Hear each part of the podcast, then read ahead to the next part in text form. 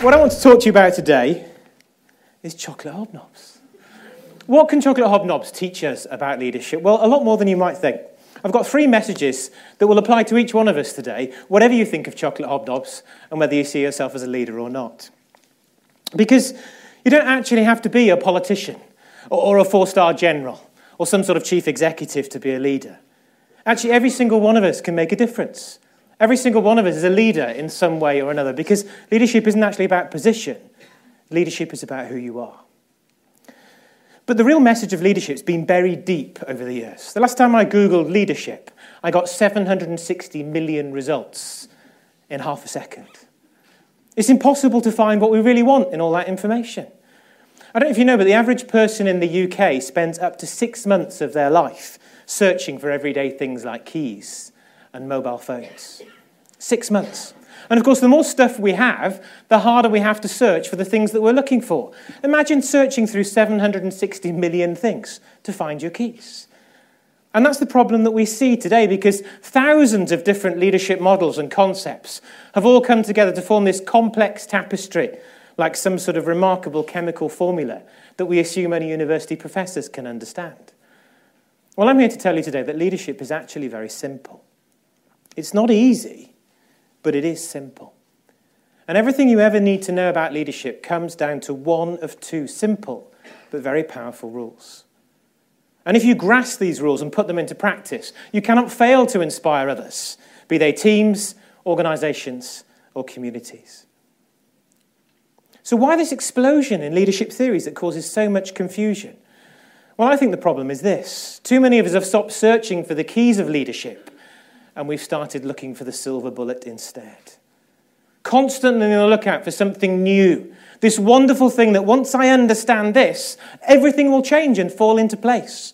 If I can just take my shiny new silver bullet and load it into my barrel and fire, all will be well.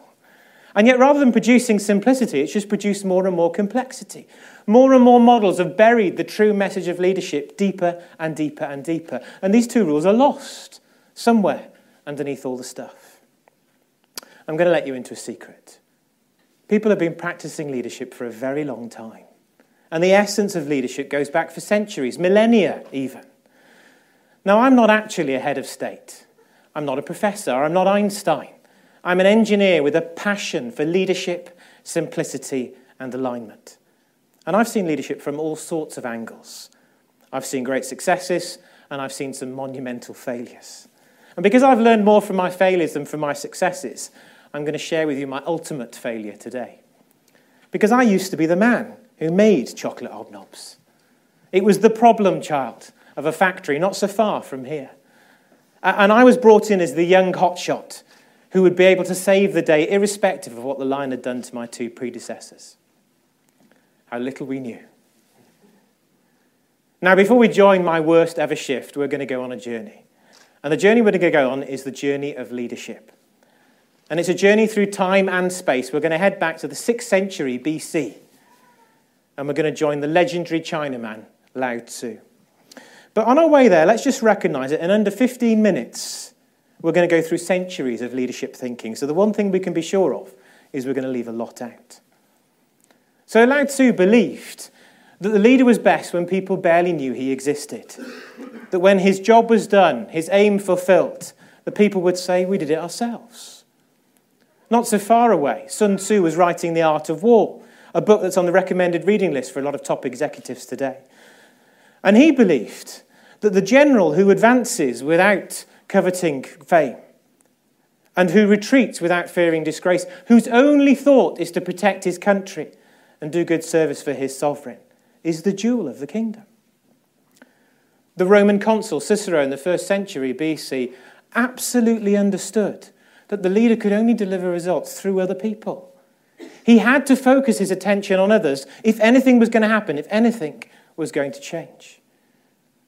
Jesus in the first century taught if anyone would be great amongst you, let him be your servant. His disciples likened the relationship between leaders and followers to the relationship between a shepherd caring for their flock. All of these agreed that leadership wasn't actually about dominion, leadership was about service until we come to the 16th century.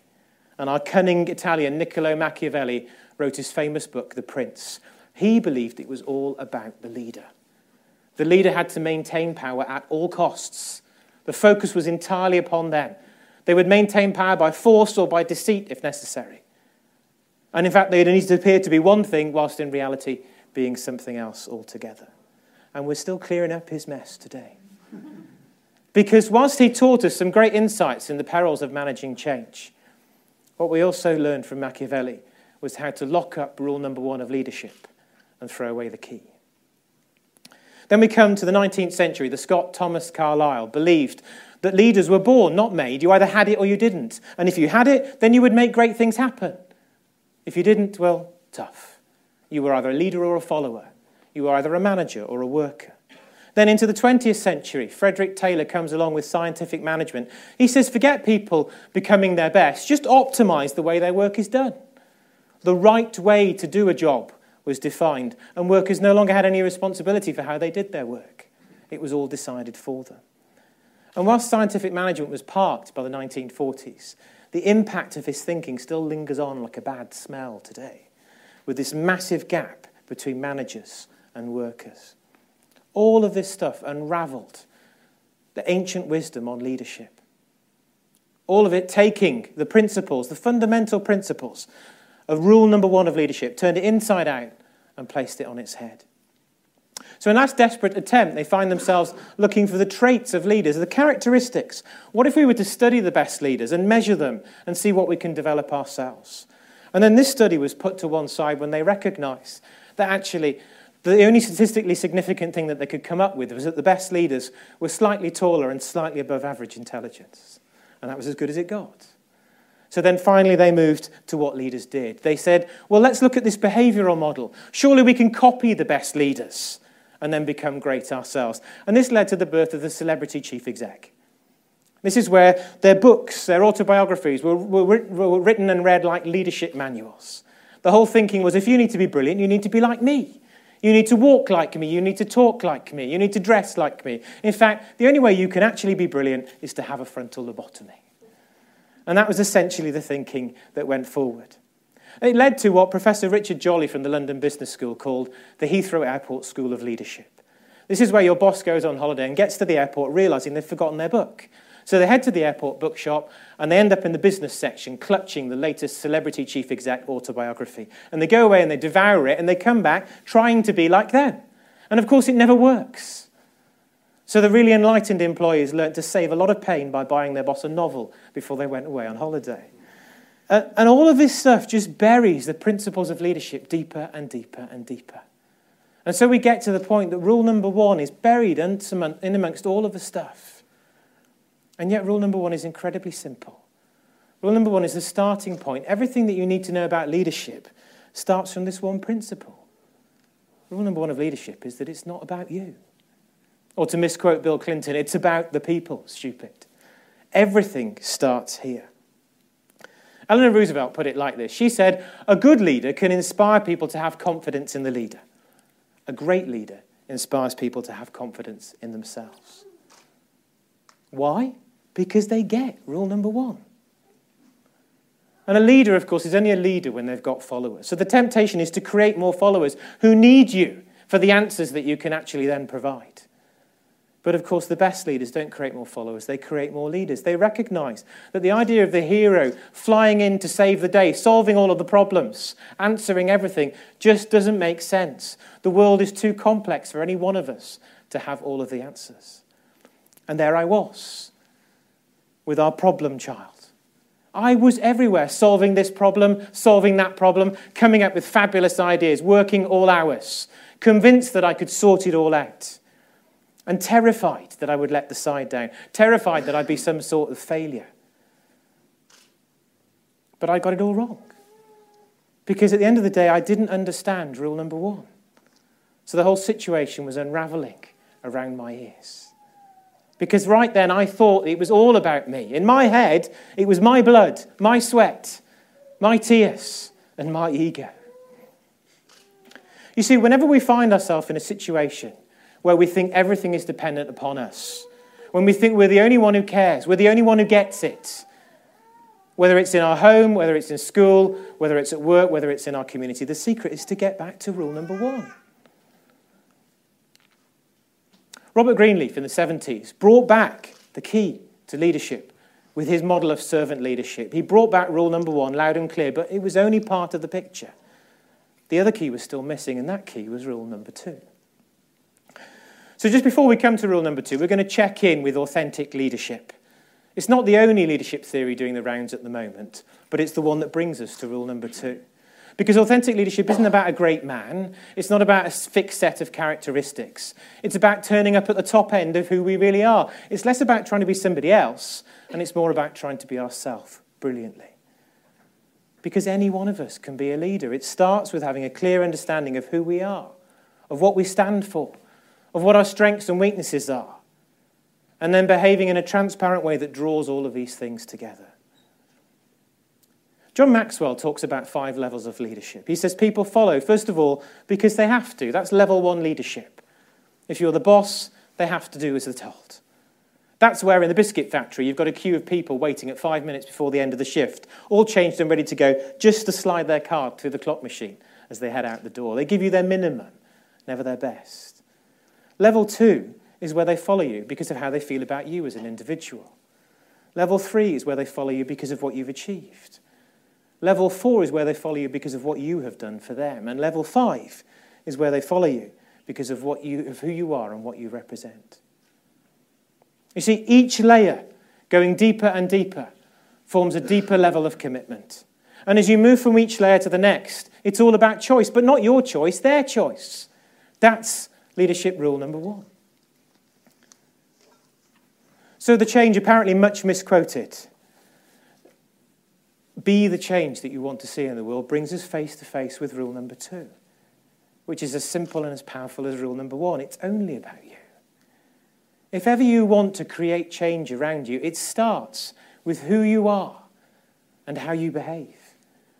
An whole range of theories, from Avolio's to Zaleznik's, takes us through to the point that ultimately, if we want to inspire others, it's about who we are. So brings us back to our chocolate hobnob factory because I thought everybody else needed to change. I didn't think the problem was me. I was the only one who got it. I was the only one who understood the problem. I was the only one who cared. They were the ones who needed to change. But in reality, what was going on around me, in my team, and the piles of chocolate hobnobs that we were crunching through, they were just a reflection of me. Because leadership and life is a bit like that. Things can go a bit pear shaped from time to time. And it's easy to find ourselves blaming other people and pointing the finger elsewhere. But the true leader looks themselves in the mirror and says, if I want anything to be different, it starts with me. Because the true leader recognizes that what's going on around them is a reflection of who they are. That's the power of rule number two. We recognize there's no point waiting for everybody else to get their act together. We need to start cleaning up our own act. That if we want others to live up to our expectations, then it starts with who we are and what we stand for and are we standing up for what we believe? Or are we just doing time?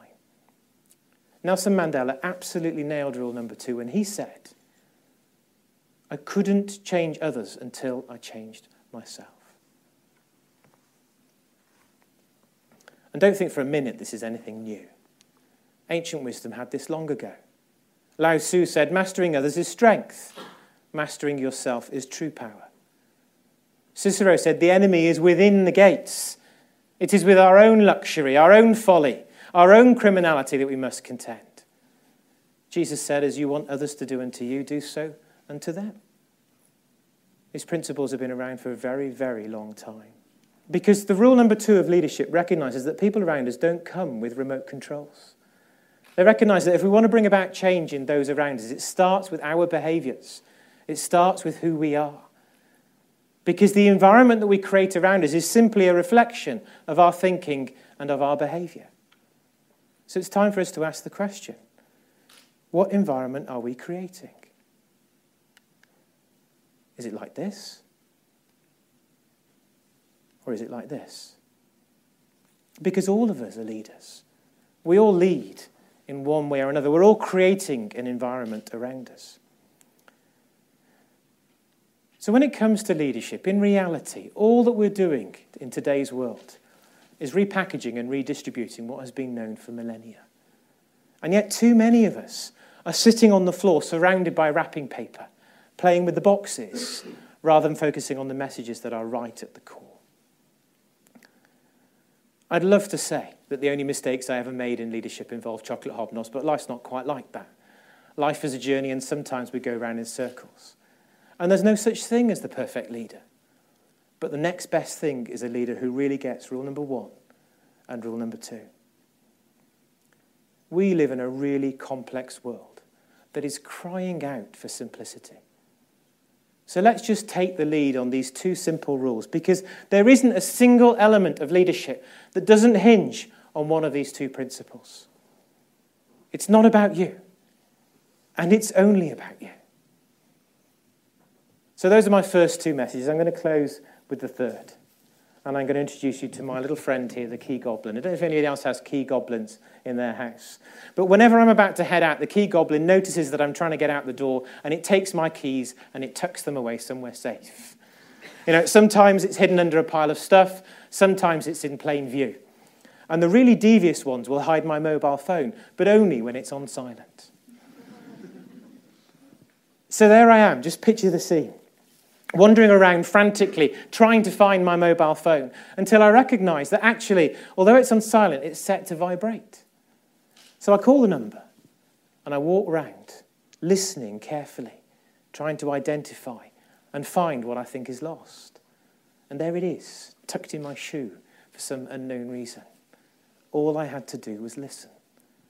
And that's really my final message today we can find ourselves spinning around in circles, searching for the silver bullet, something new that will magically let everything fall into place. And my suggestion is that maybe everything that we need to know about leadership and life was written down a long time ago. Maybe it's simply time for us to start listening, listening to what's already been said. Thank you.